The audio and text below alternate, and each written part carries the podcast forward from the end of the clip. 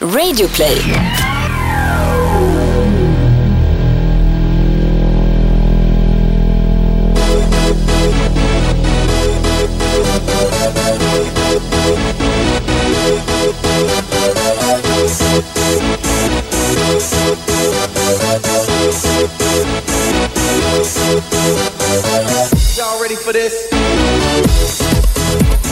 Yo, yo, yo! Det är eh, fredag 28 april. Toto Balutto rullar vidare. Snart är det valborg, snart är det maj. Är den bästa tiden på året här?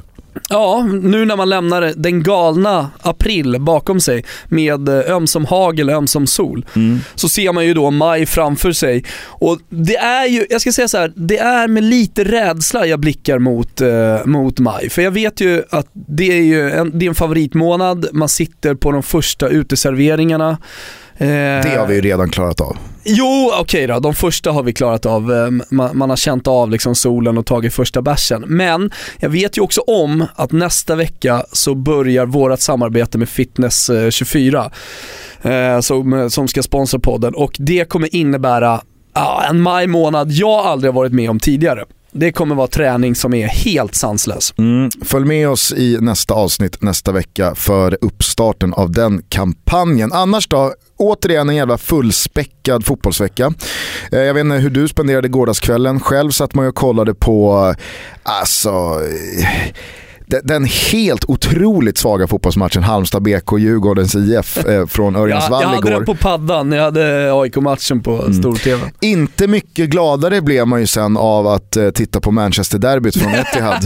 Eh, det var ju 0-0 och en match som, eh, den gjorde inte mycket med mig. Jag tyckte Niva ändå var lite rätt på det idag, eller i morse, igår kväll efter den här matchen. Att det här var Premier Leagues eh, chans till att eh, ja, men, visa alla som slog fast att El Clasico La Liga, det är, det är en fotboll på en helt egen nivå.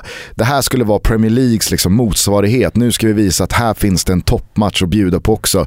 Med hur många spännande ingångsvärden som helst. Och så blev det bara en riktig riktigt fisig 2 plus historia. Eh, där ja, Fellaini satte det största avtrycket genom den här gången ett dumt beslut och att han inte stod ut med bröstnedtagningar och huvudspel.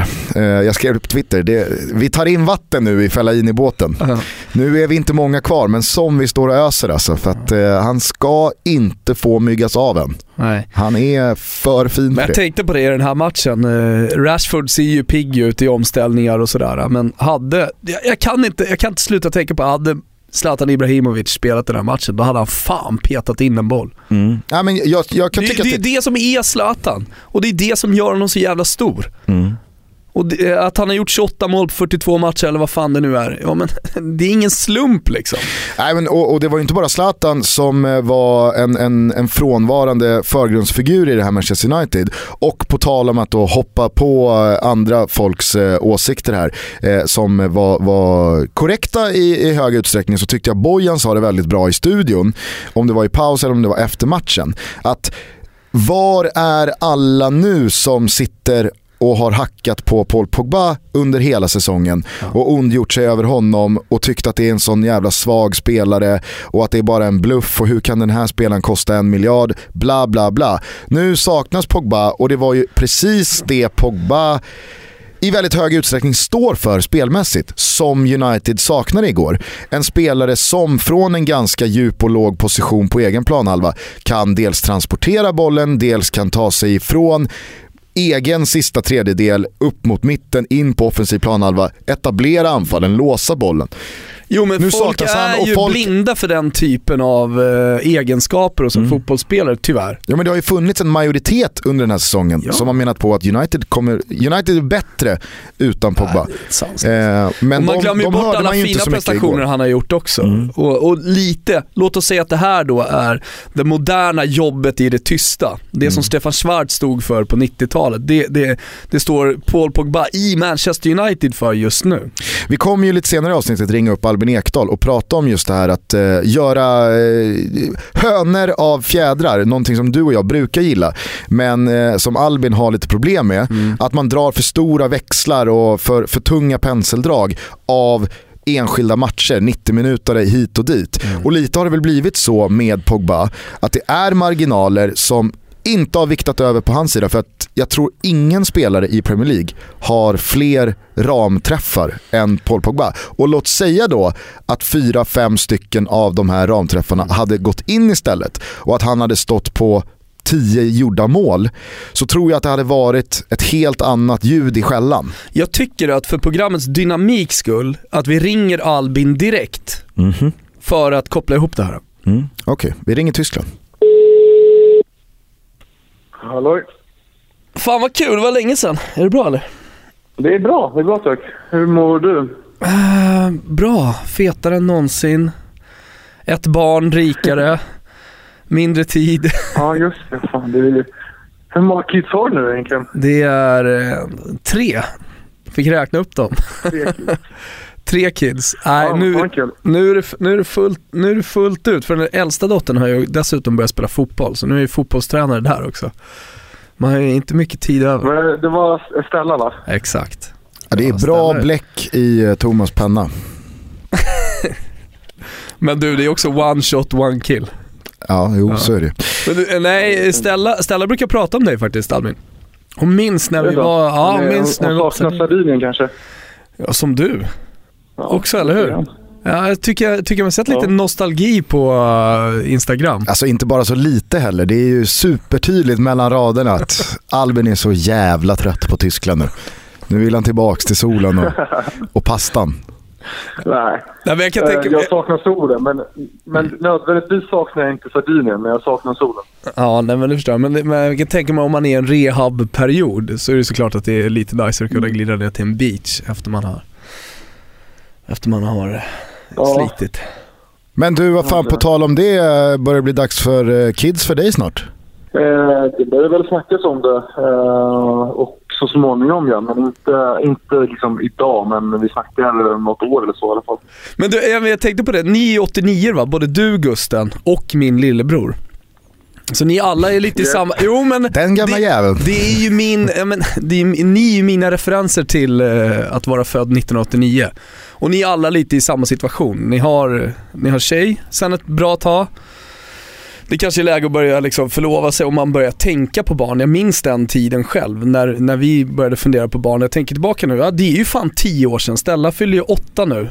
Uh, och man gör ju barnet uh, ett år innan sådär. Ja, men det, jag var, innan Stella så var jag precis i den situationen ni befinner er åldersmässigt och sådär också.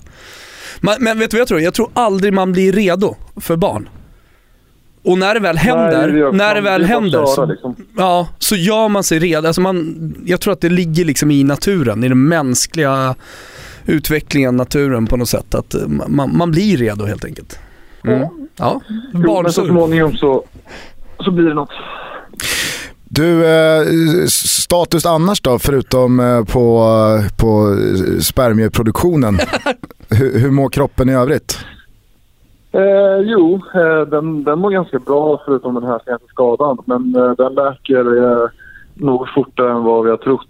Eh, så förhoppningsvis så kan jag spela Avslutningen. fotboll 100% eh, om typ säg, 20 dagar kanske. Du måste ju vara ruskigt jävla trött på de här småskadorna fram och tillbaka hela tiden. Ja, jo det är men alltså, jag har varit med om det mycket. Alltså, jag har ju aldrig haft en långtidsskada mer än liksom tre månader. Men jag har haft otroligt många sådana här eh, ett par veckor, en månad liksom. Så det, det, det sätter ju hack i systemet. Framförallt när jag kände mig i jävligt bra form innan och spelade ja, 90 minuter varje match. Så är det säkert att man åker på en sån här, men ja, vad ska man göra liksom? Jag, jag vet inte om det var i intervju med Olof Lund som du sa det. Men då pratade du, du pratade i alla fall i, no, i någon intervju om skadorna och du sa att ja, men jag förstår om folk ser mig som skadebenägen, för nu har det varit en del skador på slutet. Men jag tänkte på det i den situationen, ja. det har ju bara varit skador Alltså, eh, höll jag på att säga, men sånt som har hänt på planen. Eh, ja, nu ramlar du in eh, i, i ett bord, liksom. det, det, kan man inte göra så jävla mycket åt heller. Det, det kan hända vem som helst, det är en olycka. Men alltså det är otur. Eh, att någon hoppar in eh, en tackling så, så man bryter foten eller skadar foten, ja, men det, det kan ju också hända alla. Det är inte skadebenägenhet. Tänker på sådana som får liksom muskelskador efter varandra. Men, men där sa du ändå så här, men jag förstår att folk eh, ser mig som skadebenägen. Kan det inte vara frustrerande när folk eh, säger liksom, ah, men fan Albin, ah, men han är väl bara skadad hela tiden på slutet? Ja, alltså jag har lärt mig med åren att lyssna mindre och mindre på vad, vad folk, mm. det kallade folket säger. För folket har otroligt mycket åsikter hela tiden om allting och jag vet inte min bild är att eh, den enda som vet egentligen hur min situation är, det är jag och möjligtvis eh, läkarna och, och terapisterna, fysioterapisterna i mitt lag. Mm. Eh, resten har ingen aning. Eh, det är samma sak om en spelare är petad. Eh, då sitter ni och andra journalister och folk och resonerar. Ah, är han petad? Men det kan ju finnas hundra olika orsaker varför man inte spelar en match. Liksom. Men ni är ju omöjliga att få tag på och, och prata med. För protokollet ska vi väl säga att Tutto är ju sällan snett på det. Ja, det, det måste... Jo, men generellt sett alltså, ja. vi har ju flera hundratusen experter i Sverige på uh, det svenska landslaget till exempel. Mm. Men det är ju få som vet vad som verkligen försiggår och vad, varför någon spelar, varför inte någon spelar, uh, varför man spelar sig och så. Men folk har ju åsikter hela tiden som om de vore uh, förbundskapten. Liksom. Men det här tycker jag är intressant. Eh, är det för fotbollsspelare som det är för kanske artister eller skådespelare att eh, dåliga recensioner etsar sig fast på ett helt annat sätt än vad bra omdömen gör? Alltså menar du typ efter en match eller? Ja, ett betyg eller en krönika eller en åsikt. Eh, eller det kan väl kanske till och med kokas ner till en tweet, fan vet jag. Har du, har du liksom, ja, men, har jag, du någon som du alltså, vet jag här? Jag förstår ju att typ efter, efter en uh, rätt uh, trött match mot Bulgarien hemma där vi vinner enkelt men utan att briljera, då, då kommer det ju liksom uh, artiklar eller krönikor att typ, ja, är det här landslaget numera, bla bla bla Alltså man målar upp varje match till liksom någonting större än vad det är på något sätt, mm. tycker jag. Spelar vi dåligt, då är det liksom... Ja, då är det katastrof och fan vad tråkigt och fan vad dåliga de är. Och är vi bra, då är det liksom ah shit, det här laget är på gång. Eh, vi behöver inte Zlatan. Eh. Så det, ibland kan man bara liksom koka ner det till att det är en fotbollsmatch. Mm. De, behöver inte, de är inte alltid roliga. De, är, de säger inte alltid så mycket mer än att det var 22 spelare som sprang 90 minuter och utan att här, ha, ha en skönliv. Liksom. Här finns det ju faktiskt en intressant diskussion om journalistik och, och det som har hänt kanske ja, framförallt de senaste fem åren. Just med att eh, tidningarna säljer allt mindre upplagor, man vill ha starkare röster, man vill ha starkare åsikter från krönikörerna för att då klickar krönikerna bättre och så vidare. Men vi kanske ska gå in på den just nu. Men... Fast jag tror att Albin är rätt på det här med att det finns någon slags soppkokning på spik för att just när det kommer till landslagsfotboll och svenska landslaget i fotboll, som är en väldigt big deal, så, så tror jag att det, det antingen medvetet eller omedvetet blir så att man gör större saker av det. Man drar större växlar. Man låter 90 minuter hemma mot Bulgarien bli någon slags pinpoint över att det här är landslaget idag. Nu är vi inne i den här epoken, den här tidsperioden. För att det spelas matcher ganska sällan. Mm. Zlatan har lämnat. Mm. Då, då blir det att man, eh, som sagt, medvetet eller omedvetet, att man drar större penseldrag än vad det behöver bli. För jag är, jo, helt, inne på, jag är helt inne på Albins spår. Ja. Ibland så är inte fotboll konstigare mm. än så att det är 11 mot 11, 90 minuter. Det är ganska svag kvalitet, något lag vinner. Nu går vi vidare. Jo, nej men absolut. Vi, alltså, kolla bara på inledningen av allsvenskan. Alltså, mm. Fortsätt Albin. Alltså, alla, alltså, alla lagen numera är ju tillräckligt bra för att försvara sig, för att göra destruktiv fotboll till deras melodi. Möter man eh, till exempel Luxemburg, alltså jag blir trött på, på folk som tror att man ska vinna 7-0 mot Luxemburg istället för att vara glad att ah, fan, vi, vi undvek en, en mardröm med Luxemburg borta och vi vann. Alltså, det finns ju inget lag som går att vinna enkelt. Frankrike, vad vann de med? Två bollar. Mm. Frankrike alltså, spelade väl 0-0 mot Vitryssland? Inte för att jag vill slå mig på bröstet här, men just Luxemburg-matchen, alltså, nej men så här. Watch jag, out kids! Watch out kids. Minidrulen är på nej, väg jag, ut. Jag, jag, nu, nu låter det som att vi liksom bara klappar dem på ryggen, men så är det absolut inte. Men för grejen att inför den matchen, då varnade jag lite. För då hade jag kollat på EM-kvalet till eh, Frankrike-EM. Jag och Gugge jobbade ju med de, eh, de sändningarna och sett Luxemburg mm. och förstått att fan, Luxemburg är ett av de länderna som inte längre är en slagpåse. De är faktiskt farliga, de har fattat vad det handlar om. De är absolut inte ensamma.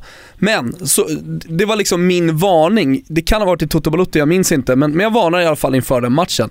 Vi såg ett svenskt landslag eh, som faktiskt attackerade, som skapade möjligheter. Det var ju, tyckte jag det kändes som en tidsfråga innan bollen skulle komma in. Det blev en knapp seger, men det var ett steg i rätt riktning. Man kunde till och med i den matchen se offensiva detaljer som, som jag tyckte bådade gott inför framtiden. Men det alla fokuserade på, det håller jag faktiskt med om, i kröniker och så vidare, på Twitter och överallt, så kallade experter, eh, det var resultatet. Det var enkom resultatet. Och kanske då några mm. dåliga, ja men det, det, det, var väl lite nervöst i slutet, det var något läge och sådär. Uh, jo, jo, men vad fan, det, det konstigt vore annars liksom. Alltså, I den matchen? Alltså, Sverige är inte, mm. Sverige inte, något, vi är inte någon topp, eh, toppnation, vi är inte topp 10 i världen, utan vi är liksom, vi är en mindre nation, fotbollsnation också om man, om man ser liksom till, till de stora. Så jag vet inte, jag tycker bara att man ska vara glad över att man vinner istället för att Eh, skriva liksom detaljerat vad som exakt inte fungerade. Ja, Ekdal, han kom inte upp i och är verkligen rätt man för det här.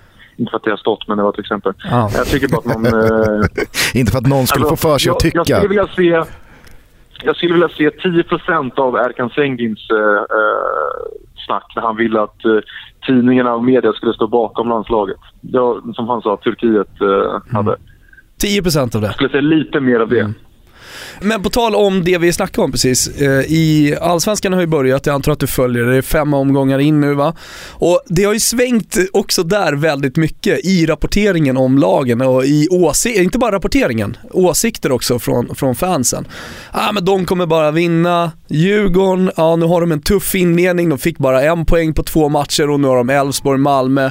Eh, Öskan ska få sparken. Nu vinner man mot Halmstad igår igen, visserligen en skitmatch men det är tre nya pinnar in. Eh, nu är det istället då AIK med den situation, klubbsituationen som det blåser kring. Eh, vad, vad, vad, vad säger du om inledningen här på Allsvenskan? Eh, jag tycker väl att det enda laget som har övertygat är väl Malmö egentligen. Jag tycker att de spelar, spelar en bra fotboll. Jag såg dem mot Djurgården och stundtals så spelar de eh, väldigt bra. Eh, sen eh, tycker jag att AIK inte ser så bra ut som man hade trott på förhand.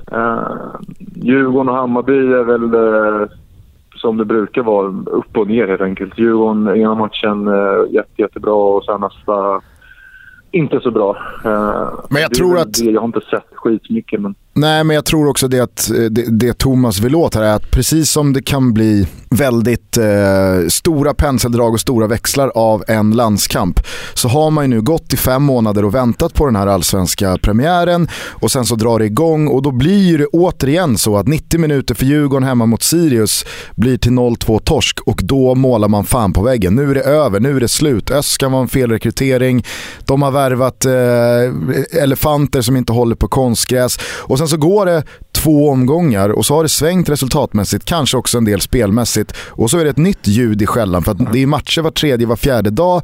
AIK inledde med fyra poäng, såg stabila ut, gjorde en jättebra match mot Elfsborg. Sen dess, två matcher senare, då var det kris. Och en VD. Precis. Göteborg, alltså Blåvitt är fortfarande obesegrade, men där hänger Jögga löst. för att det, är liksom... ja, men liksom- det är det jag säger. Ja, och jag tror att det är exakt samma mekanismer i frustrationen Albin känner kring hur det låter efter 90 minuter landslagsfotboll mot Bulgarien som såg ut på det ena eller det andra sättet. Som klär allsvenskans första tid där det går väldigt snabbt med matcher, mm. det svänger prestationsmässigt, resultatmässigt och så, så gör man större hönor av de fjädrar som finns. Ja, det har blivit lite Serie A-mentalitet över allsvenskan. Presidenterna kickar tränarna hela tiden och fansen är krävande. Exakt. Uh, nej, men det är som du säger. Jag tycker att man kan... Uh, de första fem, sex omgångarna, det, det, känns som att alla lag behöver spela ihop sig ännu mer än vad de kunde göra under hela, under hela typ januari, februari. Men eh, sen Du, eh, ska vi kort bara försöka få någon, någon slags eh, klarhet på Hamburgs säsong. Eh, du, vi börjar ju snart summera din andra säsong i tysk fotboll. Har tiden i Tyskland och Bundesliga varit som du hade tänkt dig? Det är svårt att veta hur, hur en ny klubbdestination ska bli.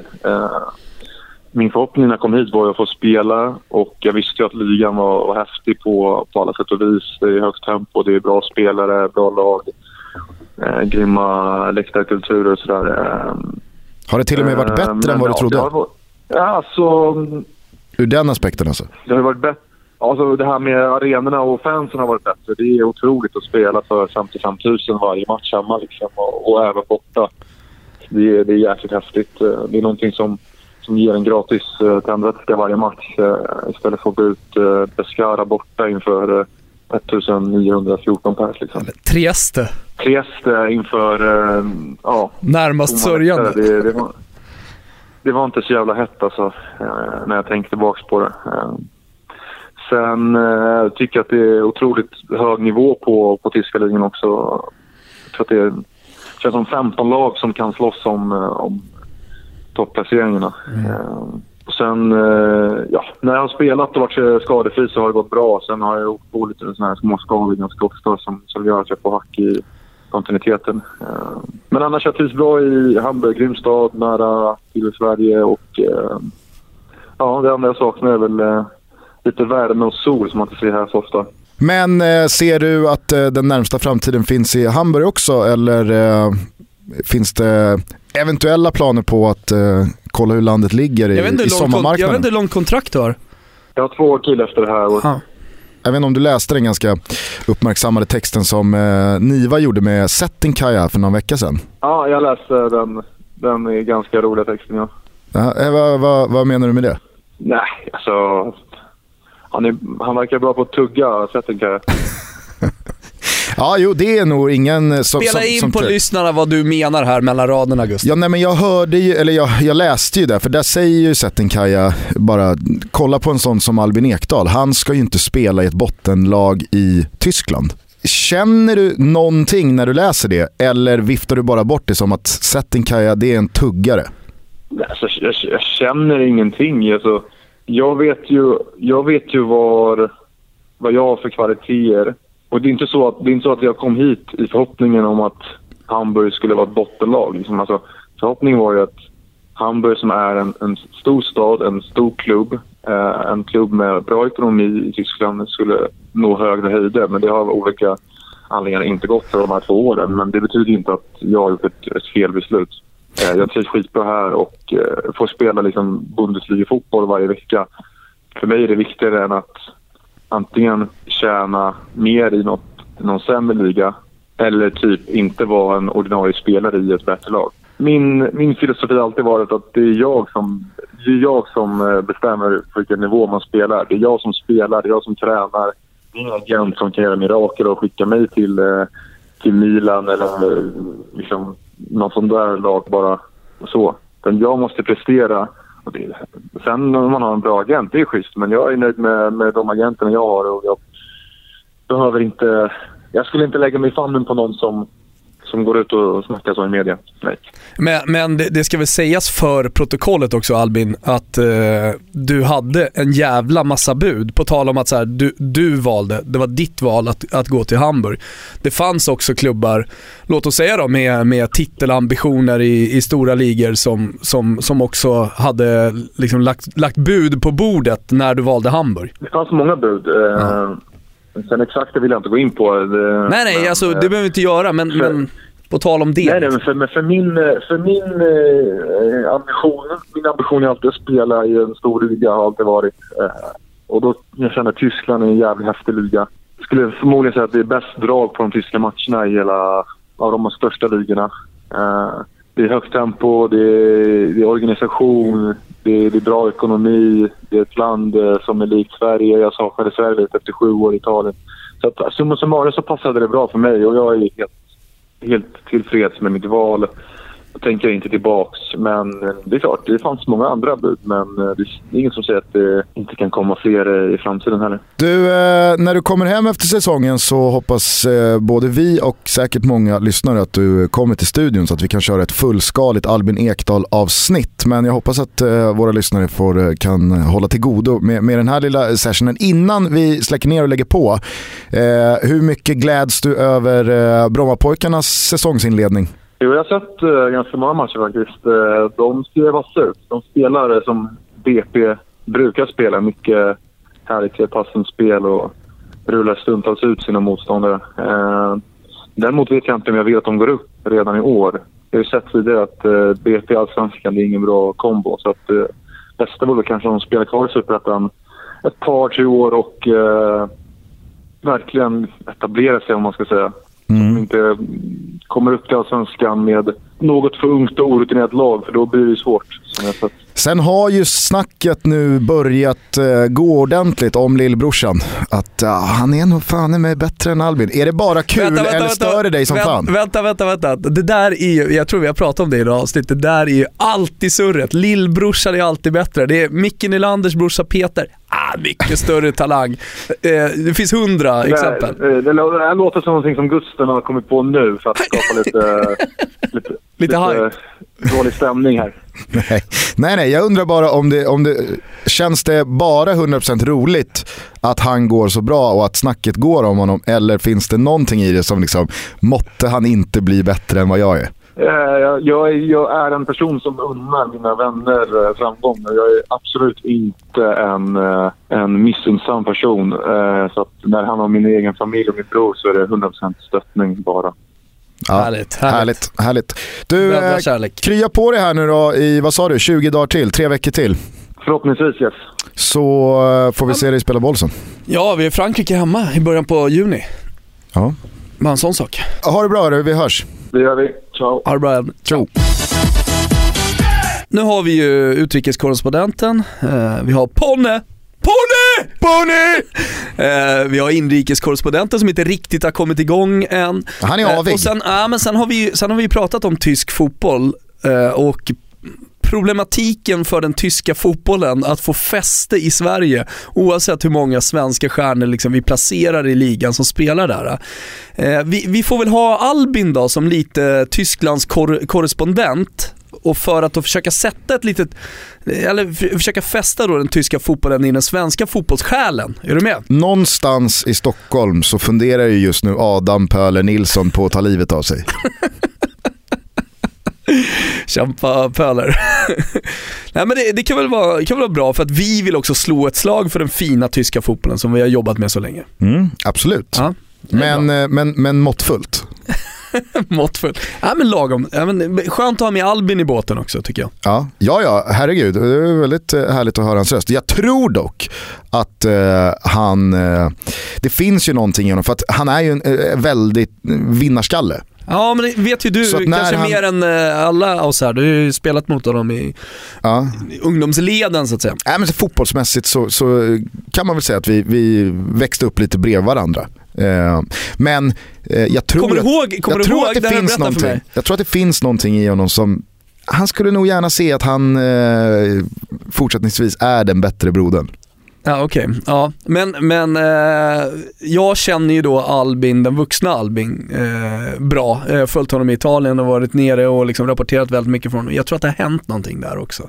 Han har blivit vuxen vet du. Mm. Jo men på tal om att ni växte upp då tillsammans på fotbollsplanerna i Västerort. Eh, eh så kommer jag ihåg att du berättade en gång om ett specifikt tillfälle när du kände att så här, mm, okej, okay, nu, nu har det blivit så stor skillnad här. Albin sticker verkligen ut. Kommer du ihåg det tillfället? Mm. Stadslagssamling om jag inte minns fel. Nej, det var en eh, P-landslagssamling. Eh, Ta nu tillfället i akt Gusten och berätta att du har spelat eh, pojklandslag.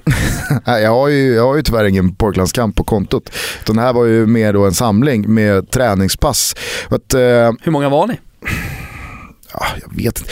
Jag ska, nog, jag ska nog också påtala att det här var de pojklandslagsaktuella 89 för att Gotlands förbund har alltid suttit ihop med Stockholm av någon märklig anledning. Det är alltid en nitlott, för att jag har ju spenderat många säsonger i då division 2 och division 3. Och då finns det ju alltid nitlotter att dra med de här jävla Gotlandslagen. Som ska, alltså, och, och då tänker Vilka folk så är här, de? Ja, men du, du, alltså det finns eh, Visby Gute såklart. Eh, sen så har du, vad heter de då? Dalhem. Eh, Finns det inget lag som heter Roma? Man kollar på vädret, eh, SVT-vädret, så, eller TV4-vädret, så, så kör de Visby och så, så ja, av någon jävla anledning så ska Roma stå utskrivet. Ja fast jag tror att liksom, det, det svenska uttalet på det, och nu är inte jag, jag fattar Nej, nej. precis vad du menar. Ja. Jag är ingen uttalskrigare Jag krigare här. tänker på det varje gång. Men jag det. tror att liksom, det är Roma. Jo, men Jag jag varför, man Roma. varför Vet du vem som är räcker från- det inte med att bara skriva Visby? Vet du vem som är från Roma? Nej. Håkan Loob. jag har alltid liksom gått Som och burit på supporter. när ska jag få säga att jag vet att Håkan Loob är från Roma på Gotland? Var stoppar du in Håkan Loob i den svenska hockeyhistorien? Jag Är han topp fem? nej, nej det är han ju Jo, inte. det är klart han är. Topp fem? Ja, ja. Nej. Jo, jo, jo. nej. Håkan Loob är topp fem. Alltså det är, det är helt irrelevant vad Toto Balutto har för topp 5-lista Ja, i svensk hockeyhistoria. Men eh, låt, oss, låt oss vara oense kring det. Håkan Det var- är inte topp 5. Det var skit med Gotland och... Jag tror att det var så här att det var de pojklandslagsaktuella eh, 89 från eh, Svealand och Gotland. Oj, så du var inte ens nära då, eh, en landskamp? Nej, det var, alltså jag, jag bröt ju ryggen så det, var, det, var inte, det var inte så aktuellt. Det är alltid en skada som förstör en fotbollskarriär. Inte alltid, men i det här fallet fanns det det. Då spelar vi i alla fall, eh, eller då, då tränar vi och då är det en övning med eh, ett redskap som var väldigt på tapeten för, ja vad är det här då, då? 10 år sedan, 10-12 år sedan, som heter PAL. En, eh, en plywood-triangel som gav hela tiden perfekta eh, volleystudsar och returer när man passade Nu på för den. tiden så köper ju då föräldrar till fotbollsgalna barn, eh, jag har den också, ett nät snarare med en Mm. ram runt. Så ja, slår man passningen till nätet och studsar den tillbaka. Jag ska inte säga att den är så perfekt som plywood-triangeln, men den fyller i alla fall samma funktion. Mm. Ja, då vet jag bara att det var en skottövning med den där och eh, jag, jag minns väl och jag vet att jag har berättat det här i nå- något, någon annan, eh, Ja, något annat poddsammanhang. Men då så smäll, alltså det bara small runt Albins fötter. Och det var just fötter i plural för att han drog den både med högen och vänstern. Och även fast du är en pojklandslagsaktuell 15-16-åring så är det ju väldigt många, majoriteten, kanske till och med 95% som har ganska så svaga felfötter. Ja. Men Albin hade ju då en vänsterdoja, alltså hans felfot, som var bättre än många andras högerskor. Och han hade ett, det här klippet i skottet som så många andra saknade. Det, det verkligen bara small i näten bakom. Återigen, tillslaget Gusten. Det är det man ska titta Ja. på tidigt också. Och jag kommer ihåg så väl att jag pratade väldigt mycket med Albin just när han, eh, det var efter, säg att det var efter två säsonger då, i, i Cagliari. Så, så var han hemma någon sommar och så sågs vi och då eh, så pratade vi om just det här hur viktigt det är, på tal om då Pogba och att hans ramträffar inte har gått in. Nu är ju Paul Pogba där ändå Ja. och han är världens dyraste spelare och han är ju så att säga made. Men i hur man bedömer Paul Pogbas säsong så blir det väldigt mycket så att man tittar på de hårda siffrorna. Och i Albins läge som han var i då så handlade det om att han skulle ta nästa steg klubbmässigt. Men eh, vi båda var överens om hur viktigt det är från hans position, alltså en central mittfältsposition, att kunna peka på att du gör 6-7 mål på en säsong och du gör en 7-8 assist på en säsong kontra ditt marknadsvärde när du bara kan peka på, "Ja, jag spelade 36 matcher, gjorde Titta ett på matcherna mål. hur bra jag är. Ja, exakt, men jag gjorde bara ett mål och två assist. Och Albin sa det, det är exakt så. Har du bara 5, 6, 7 mål att peka på, har du 6, 7, 8, 9 assist att peka på, även fast du inte är en annorlunda spelare på något sätt, så blir du så jävla mycket mer intressant för klubbarna för att då sticker du ut. En spelare av min kaliber, min alltså då som är Albin Ekdal, inte Gusten Dahlin, är inte aktuell för de större klubbarna om du på 36 matcher gör ett mål och två assist. Nej. Precis som att Pogbas säsong definieras ju i väldigt hög utsträckning av hans hårda siffror. Hans hårda siffror och några direkt usla matcher. Ja, mm. precis. Men som Albin är inne på här, vissa matcher är bara 90 minuter fotboll. Det är inte en spelares karriär eller en spelares omdöme eller en lags, alltså ett lags eh, totala tidsepok. Man måste ibland kunna se en fotbollsmatch för vad det är, både individuellt och lagprestationsmässigt. Tycker jag. Vår partner Betsson fortsätter att sponsra oss, det är ju väldigt trevligt. Det är dags för nya Toto-tripplar. Gusten, känner du studs i steget? Jag kanske inte ska säga det här, jo jag säger det. Jag har ju pratat med Polsäter som är vår gubbe på Malta. Betssons topdog vad det gäller, topdog vad det gäller odds. Och vi, har, vi, vi, vi, va? vi får se hur det går i helgen, men vi har funderat lite på att ha en god man. Mm -hmm. till dig. Alltså så att Gustes Toto-tripplar görs i samarbete med en god man. Som ska vara vem då? Äh, Polsäter själv. Ah, okay. ja. ja. Vi, det, var, det, det har inte gått jättebra på slutet för dina tripplar.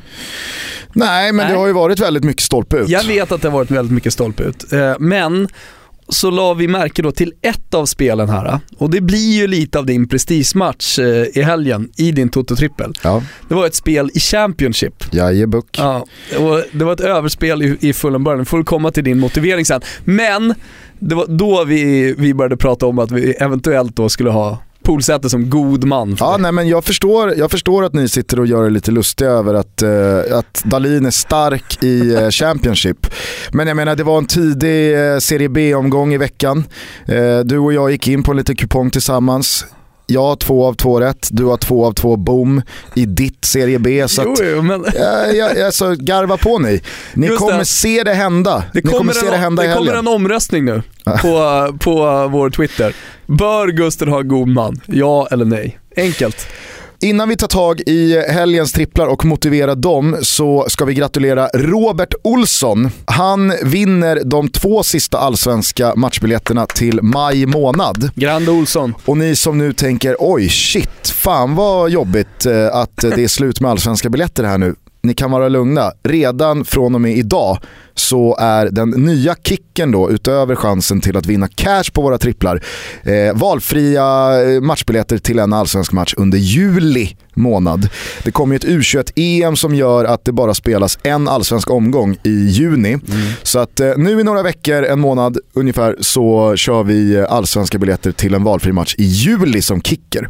Rygga helt enkelt Toto-tripplarna, eller en av Toto-tripplarna och sen så hashtaggar ni in då under Toto-trippen på sociala medier så är ni med och tävlar om eh, de här allsvenska matchbiljetterna i juli från och med nu. Och insatsen är alltid 148 kronor. Eh, hörni, så här ser eh, min trippel ut till helgen. Jag tror att eh, London-derbyt, North London Derby mellan eh, Tottenham och Arsenal blir en målrik historia. I alla fall fler än två mål. Tottenham har ju gått som tåget på hemmaplan under eh, våren och bara öst in mål. Man har en eh, mer eller mindre skadefri trupp. Eh, Arsenal har ju hoppat upp på vinstspåret igen.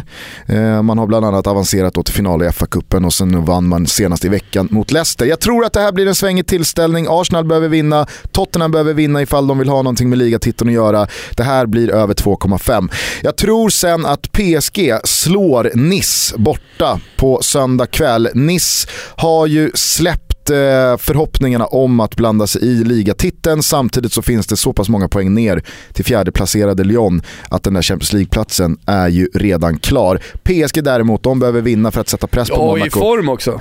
Super i form, mm. absolut. Eh, så att eh, PSG bara vinner mot Nice. Och sen då den här matchen som du och Polsäter har gjort det lite lustig över. Det är det förväntade målkalaset mellan Fulham och Brentford på Craven Cottage. Det är två omgångar kvar i Championship. Fulham har Leeds flåsandes i nacken, Brentford har ingenting att spela för och det har märkts på deras resultatrad senaste 4, 5, 6 veckorna. Det är öppna spjäll. De öser på framåt, de kan inte hålla nollan. Fulham är samma sak, de gör 3, och 4, och 5 och 6 mål i varje match. Oj, det här kommer... Sex. Ja, ja visst. Ja. Det, är, det, ja, men... det låter som en rolig match detta. alltså, det kommer bli ett målkalas av Guds nåde. Över 3,5, Fulham-Brentford. Ta i trä för din skull. Kan du inte säga att det blir chansrikt? Chansrikt kommer det bli ja. också. Målrikt också. Okay. Mm. Eh, din då? Ja, jag har hittat alla mina spel då i Italien. Jag tror också på ett par väldigt målrika matcher. Eh, bland annat i Atalanta mot Juventus. Eh, och då kan man ju fundera på vad betyder den här matchen för Atalanta? Jo, det är ju Europaspel i potten. Och ni vet ju, de spelar alltid sitt 3-4-3 med Gasperini. Det alltid chansrikt i Atalantas matcher. Papo Gomes eh, ser ut att vara redo att spela, Kessie också, full trupp. Eh, det ser riktigt bra ut för Atalanta som alltså spelar hemma mot eh, Juventus. Det gör också någonting med med bergamaskerna. Juve då? Ja, men de har problem med försvaret, man tvingas avstå en del nyckelspelare samtidigt som man framåt spelar med den fantastiska fyr, fyrlingen. Det är ju Quadrado till höger, det är Dybala, det är Iguain och sen så vem har vi egentligen till vänster Gusten? Ja det är väl Manzan. Jajamensan, Mandzukic till vänster. Och sen, en sak som jag faktiskt tänkte på den här matchen. Jag läste eh, Allegris eh, presskonferens igår. Han säger att han ska spela med Alexandro till vänster, Dani Alves till höger. Så det är väldigt mycket offensiva spelare i den här matchen. Eh, över 2,5 alltså. Inter-Napoli, jag ska inte bli så långrandig här. Jag tror också på målrik där av en jävla massa anledningar. Och slutligen, Sassuolo de har faktiskt kommit igång till slut, äntligen. Ser bra ut de senaste veckorna. Nu möter man Empoli borta som eh, mer eller mindre vädrar nytt Serie A-kontrakt. De har jättemycket att spela för, absolut, inte så. Men eh, kvalitetsmässigt, Sassuolo, Sassuolos form, kryss 2 räcker för att få eh, sex gånger pengarna på den här trippen. Mm. Så att, skulle smaka eh, fågel. Där har ni. Ja, det skulle smaka mumma. Som ni hör, det finns pengar att hämta. Det finns dessutom allsvenska matchbiljetter att vinna. Toto-trippen finns eh, på Betsson.com under eh, godbitar och boostade odds. Nu kör vi. F får jag ta en grej till med tysk fotboll?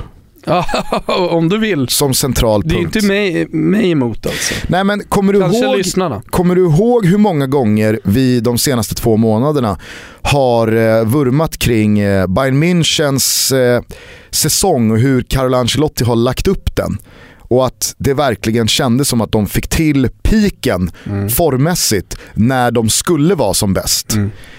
Och det som alla nog trodde kunde sluta i en trippel, minst skulle bli en dubbel, är ju nu så att det, det, kommer bara inom citationstecken bli en ligatitel. Nu åkte man ut eh, ur eh, tyska kuppen mot eh, Dortmund i semifinalen i onsdags. Eh, ingen har nog missat att man åkte ur även mot Real Madrid i Champions League. Hur känner du kring det här? För att jag börjar ju snarare luta åt att det man kände kring Bayern München och Ancelotti för en och en halv månad sedan, det, det är nästan 180 grader eh, senare nu kolla på det laget man hade. Det var ju väldigt många som uppmärksammade att mm. Bayerns snittålder i matchen mot Real Madrid var över 30 år och en väldigt gammal sådan. Eh, det kommer spelare som lägger av nu, förgrundsfigurer i Lam, Xabi Alonso, eh, du har Robben, Ribéry, ganska många som, här, är, är det här rätt väg att fortsätta för Bayern München? Och Ancelotti fick nog många att tro att fan, han löser den här Champions League-bucklan igen. Han tar den här titeln som Guardiola inte lyckades ta. Mm. Nu står vi här, april ska bli maj och det kommer inte bli ens en dubbel för dem. Nej, det blir en ligatitel och det är väl inte fy skam, men det är någonting som man alltid räknar in. Alltså dels som utestående och dels eh, vet jag också som Bayern, Bayern München-supporter, alltså ligatiteln ska man bara ta. Visst kommer man fira den, men, men det är en i, i mängden av väldigt många och man blir ju lite som man säger om Juventus eh, supporter, så man blir lite kutryggade. Eh, I och med all framgång. Alltså, man, man blir tyvärr då lite luttrade eh, av, av all framgång och så mycket vill ha mer. Och då blev ju den här säsongen med också dessutom Carlo Ancelotti vid rodret eh, som är en Champions League-vinnare eh, och otroligt rutinerad. Så, ja, man, man säsongen skulle definieras någonstans i en kvartsfinal eller en semifinal om det var lyckat eller inte. Nu fick man Real Madrid, tuffast möjliga motstånd, regerande mästarna och man åker ur. Det är lite samma känsla egentligen som man hade med Pep Guardiola efter förra året. Alltså där man vinner ligan extremt tidigt och ja, man, man väntar egentligen bara på, på slutspelet, i, eller slutspelet på finalspelet i, i Champions League och så går det inte hela vägen där och då, då, då definieras hela säsongen, den präglas av, av de matcherna. Mm. Och det, det, är också, det är också så här, i, man möter Real Madrid, man tar det till en förlängning, man jag ska inte säga att man åker ut, för jag tror att ändå att Real Madrid hade löst det i alla fall. Men det är ju, det är ju ett par felaktiga domslut inblandade här. Alltså det är jävligt små marginaler som vi nu sitter och kritiserar, eh, eller jag vet inte om det är det vi gör, men, men som vi sitter och talar om i alla fall utifrån eh, talar om eh, kring Bayern München. Jag tror ju också att en sån där marginal som lite har försvunnit i svallvågorna efter Casais domarinsats på Bernabeu, det är ju att Vidals straffmiss mm. i första mötet det var ju vändpunkten ja, var... väldigt mycket i det här dubbelmötet. Hade han Jag säger inte att det den... var spiken i kistan, men det var i alla fall läge att spika in den. Ja, men hade, hade Bayern gått upp till 2-0 där så hade ju Bayern München med allra största sannolikhet gått in i returmötet som favoriter mm. till att gå vidare. Ja, så är det. Helt klart. Eh, men eh, vad tror du om framtiden då? Ja, det är ju jättesvårt, men alltså någon slags, jag ska inte säga revolution, men någon slags minirevolution i alla fall borde ske på spelarmarknaden i sommar eh, och i, och i truppen.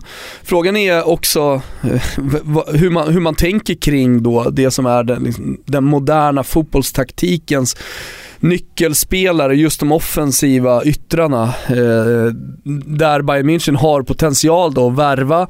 Och där man då mäts hela tiden mot sina konkurrenter. Och kollar man vad, eh, vad Barcelona har, ja men där har man Neymar, Messi, kollar man vad Real Madrid har, titta på Chelsea som ska gå in och spela eh, Champions League nästa år, kolla på Manchester City. Och där står de med Robin Ribéry. Eh, nu såg jag att man hade, hade köpt ut Koman från eh, Juventus. Kanske är det så att man satsar på honom och tror, väldigt, eh, tror att han kan då få ytterligare ett eh, eh, utvecklingssteg till nästa säsong. Ja, och sen så sitter man ju redan på Douglas Costa som också... Som började jättebra, ja. men, men som har fallit bort lite tycker jag. Hans betydelse för laget. Dessutom så finns ju Thomas Müller som en användbar högerspelare. Ja. Vad du nu vill spela för typ men av Miller uppställning. har ju heller men... inte fallit väl ut i Carlo Ancelottis system. Nej. Han har inte varit så viktig som han har, som, som han varit tidigare. Jag såg också att de eh, nu börjar äh, agera ordentligt på vår gubbe, Julian Brandt ja. i, i kusarna. Eh, ja, och det, är, är också så Bayern München jobbar. Mm. Alltså, om man nu tänker blicka lite framåt mot eh, transfermarknaden så, så, så, är det ju liksom att svepa Tyskland på supertalang. Mm.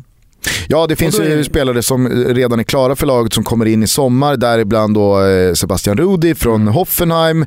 Eh, så att det, det sker ju saker. Jag tror bara att Bayern München blir nog inte av med eller förändrar Lam, Alonso, eh, man har relativt nyligen tappat Schweinsteiger. Mm. Eh, Robben Ribéry har varit där i eh, sju ja, det är ju en jävla säsonger. ryggrad med många Det är titlar. inte bara så att man i en handvändning blir bättre av Nej. att bli av med en sån stomme i ett lag. Nej. Nej, och det är väl svårigheten också, alltså på den här nivån när det är så extremt små marginaler, att, att också bedöma eh, en spelartrupp mm. som vi ändå sitter och gör här nu. Någonstans så kommer ju ändå Bayern München gå in i nästa säsong, alldeles oavsett vad som händer i sommar, så kommer de gå in nästa säsong som en av, är det fyra favoriter numera? Eller är det fem med Atletico? Nej, Atletico är inte där. De är inte på den nivån. Nej, men och, och, man, man, får förhålla sig till Bayern München som, som fortfarande är ett av de absolut bästa lagen.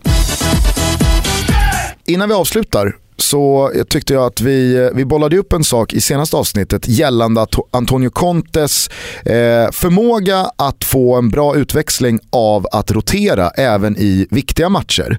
Eh, och, och, Vi ska inte prata mer om Conte för det tycker jag att vi gör alldeles för mycket från eh, avsnitt till avsnitt. Men Noterade du hur många lag där ute i fotbollssvängen som roterade i veckan mm. och vilka olika typer av utfall du kan få? Mm. Till exempel så såg vi Malmö FF igår spela mot Kalmar FF på bortaplan. Ett Kalmar som nog ingen har missat har stått för den sämsta inledningen eh, som lag den här eh, allsvenska säsongsupptakten.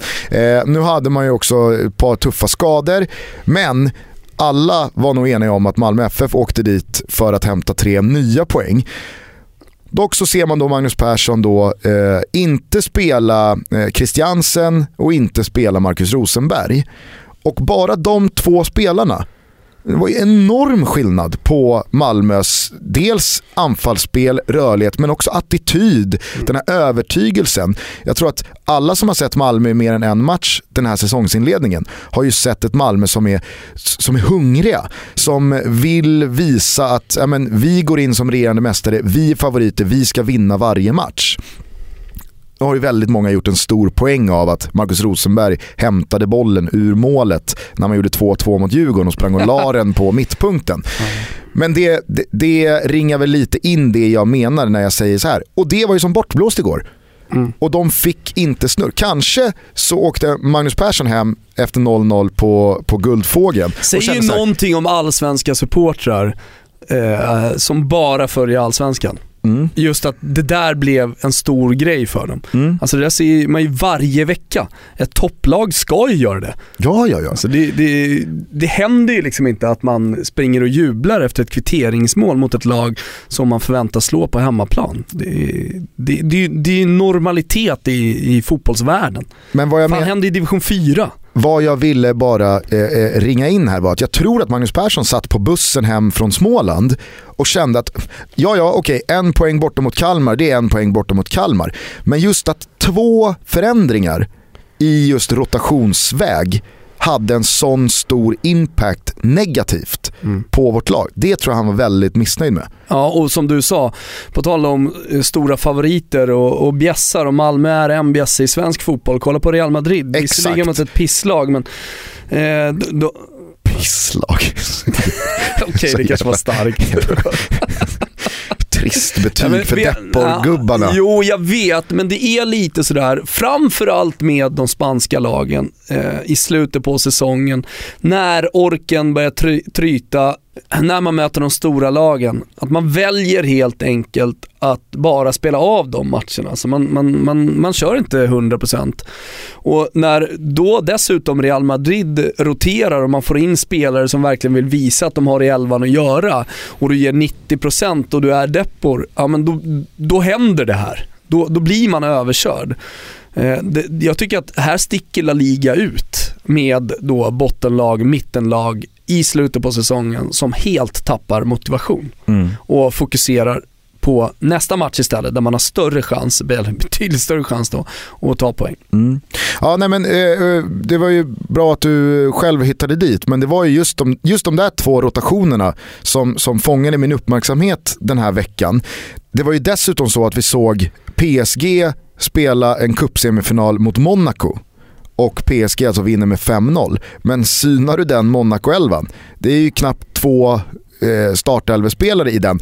Och PSG hade ju problem med den. Verratti gick ut och sa att ni, ni respekterar inte den här matchen. Men det är ju så här det ser ut. Mm. Det är så här, Jardim gör ju antagligen bedömningen att jag vill ha så pigga buggar och så bra förutsättningar som Antagligen, möjligt. klart han gör det. Ja, och det måste man ju, för, alltså så här, då, då får man helt enkelt vaska en cupsemifinal. Verkligen. För att rotationsmomentet, det, det, är verkligen en del av fotbollen i synnerhet den här tiden på året, om vi tittar utanför Sveriges gränser. Ja, ja alltså det är nu det börjar bli intressant. Ja, och det är ju de som klarar av och behärskar rotationsmomentet på ett riktigt bra sätt. Det tror jag kommer vara tränarna som inom de närmsta 3, 4, 5 säsongerna kommer vara ansedda som de bästa. Vi ska inte längre hålla er på halster. Det har dragits eh, fem stycken lyckliga vinnare i våran tävling tillsammans med Uefa Europa Leagues officiella sponsor Hankook Tire eh, om eh, de eh, finalbiljetter till Friends Arena som har varit så oerhört åtråvärda. Har du märkt i media hur stor grej det har blivit hur svårt det har varit att få plåt till eh, Europa League-finalen? Ja, verkligen. Jag har inte bara märkt i media, jag har märkt på sociala medier. Jag har märkt av det i våran tävling såklart. Mm. Där, eh, jag, jag, jag har sagt det förut, jag pratar med Manchester United-fans som har extremt svårt att få biljetter och det är inte bara dem. Nej. Du har en hel stad, Vigo vill ju dit eh, om de nu lyckas brotta Många ner Många turkar också som oj, oj, satt på Besiktas-tåget som ja. tyvärr skenade ur dem. Men... Jo, eh, och turkarna vet vi om. Det är inte bara liksom, för, för Vigos del handlar det ju om 99,7% Vigobor. Och sen så några då utspridda runt om i Europa. För, för Besiktas del handlar det om fans över hela jävla Europa. Mm. Så att, eh, ja, det, det, det är som det är. Det är lite trist och man vet ju om också att det, det är en del eh, kostymnissar som, som kommer sitta på de där läktarna som egentligen inte har där att göra. Men från botten av våra hjärtan så måste vi ju säga tack till alla som har skrivit på ja. våra videor och motiverat varför man och sin eh, kompis, flickvän, pojkvän, mamma, pappa ska få gå på den här matchen. Det har ju varit väldigt många lovord om oss, våran podd, eh, en kärleksförklaring i, i hög utsträckning. Det har ju gjort en jävligt ödmjuk och har suttit och läst igenom alla motiveringar. Ja, det har varit jävligt jobbigt. Jag trodde inte det skulle vara det, men extremt jobbigt att hitta då de här vinnarna och välja ut vinnarna. För egentligen skulle man ju vilja dela ut hundratals biljetter här, för alla har verkligen, eh, ja, men man har gjort sitt yttersta liksom för, att, för att få de här biljetterna. Och sen så finns det många fina historier. Nästan om man skulle sammanfatta allting i bara ett långt blogginlägg om man nu hade en blogg. Det mest narcissistiska blogginlägget någonsin. Bara lägga ut men det är all inte bara, kärlek nej, men det, man fått. Ja, men det är inte bara, nej men det är mer än bara kärlek till oss, alltså folk som motiverar. Absolut. Det är väldigt många fina stories i det här, Exakt, varför man vill bjuda med personen som man har motiverat. Exakt. Vi säger hur som helst stort jävla grattis till Emil Sjödin, Lukas Sjölund Jurado, Josefina Jirenius, Eddie Williamson och våran gubbe Peshman Pars som vi eh, gillar väldigt mycket för det han gör kring den iranska fotbollen. Han vinner för att han vill eh, dra iväg sina biljetter då till två stycken jag, ensamkommande flyktingar. Måste, måste bara säga att jag skiter i, lite i den iranska fotbollen. Det gör men inte jag. han hade en väldigt, ja men i den här tävlingen det har liksom ingen betydelse. Nej men jag försöker Utan bara förklara varför fina... Peshman är vår gubbe. Jo, jo, men det, det är ju den, den fina motiveringen och, och, vad han ville göra med de här biljetterna som gör, biljetterna som gör att han vinner. Inte ja, ja. för att han är vår iranska gubbe. Nej, jag sa bara Nej. att... Så, ja, men, men, tydlighet är viktigt här Gusten. Verkligen, och det var ju därför jag drog upp det. Så att ingen bara, hej, de ger ja. till sin polare. Ja. Peshman har motiverat Exakt. att de här biljetterna ska till två ensamkommande afghanska flyktingar. Skicka all er kärlek till Hancock Tire som ändå har eh, ställt upp och gjort den här fina tävlingen tillsammans med oss. Mm, puss till Hancock. Hörni, eh, vi eh, börjar eh, dra ner jalusierna för det här avsnittet som jag fan tror var avsnitt 70. Ska vi köra en liten fanfar Kimpa? Kör man fanfar verkligen när det är avsnitt 70? Ah, ja, vad fan, det spelar ingen roll. Vi gör vad vi vill. Superhelg står för dörren. Eh, Romderby. Det mm. är eh, som vi redan har bollat upp med Toto-tripplarna, North London Derby, alltid speciellt. Eh, det är eh, faktiskt så att det är det sista London-derbyt mellan Arsenal och Tottenham som spelas på White Hart Lane. Och det har ju faktiskt våran polare Kristoffer Svanemar förärats med att få besöka i sin programserie Destination Europa. Det är man ju måttligt avundsjuk på. Mm, blir kul.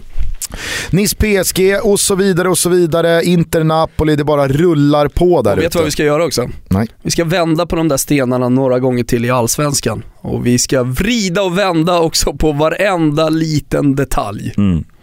Hörni, ha en jävla trevlig helg. Tack igen till alla som hörde av sig med motiveringar och fina ord och härliga historier i vår eh, tävling tillsammans med Hankook.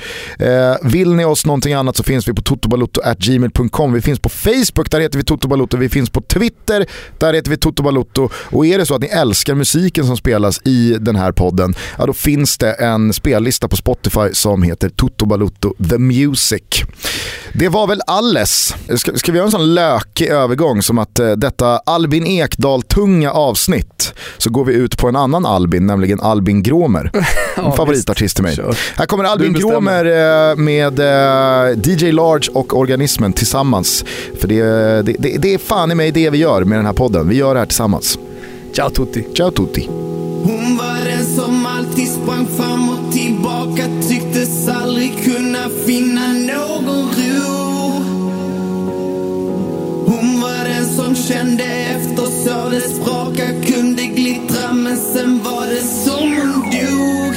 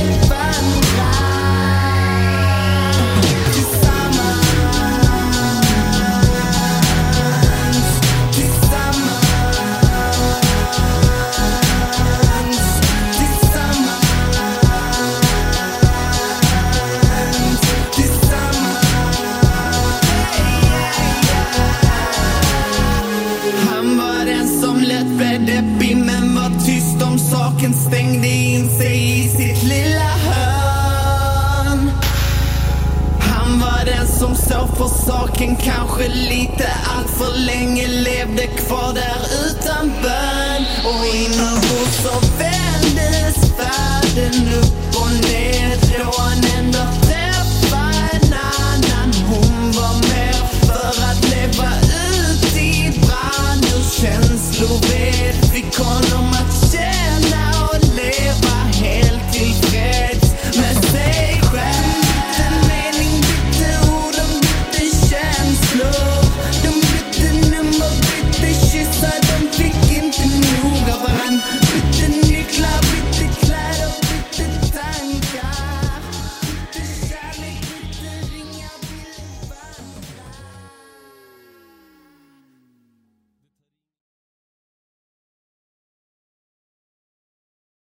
Du, vi måste, vi måste Kör. bara beröra videon som åkte upp igår.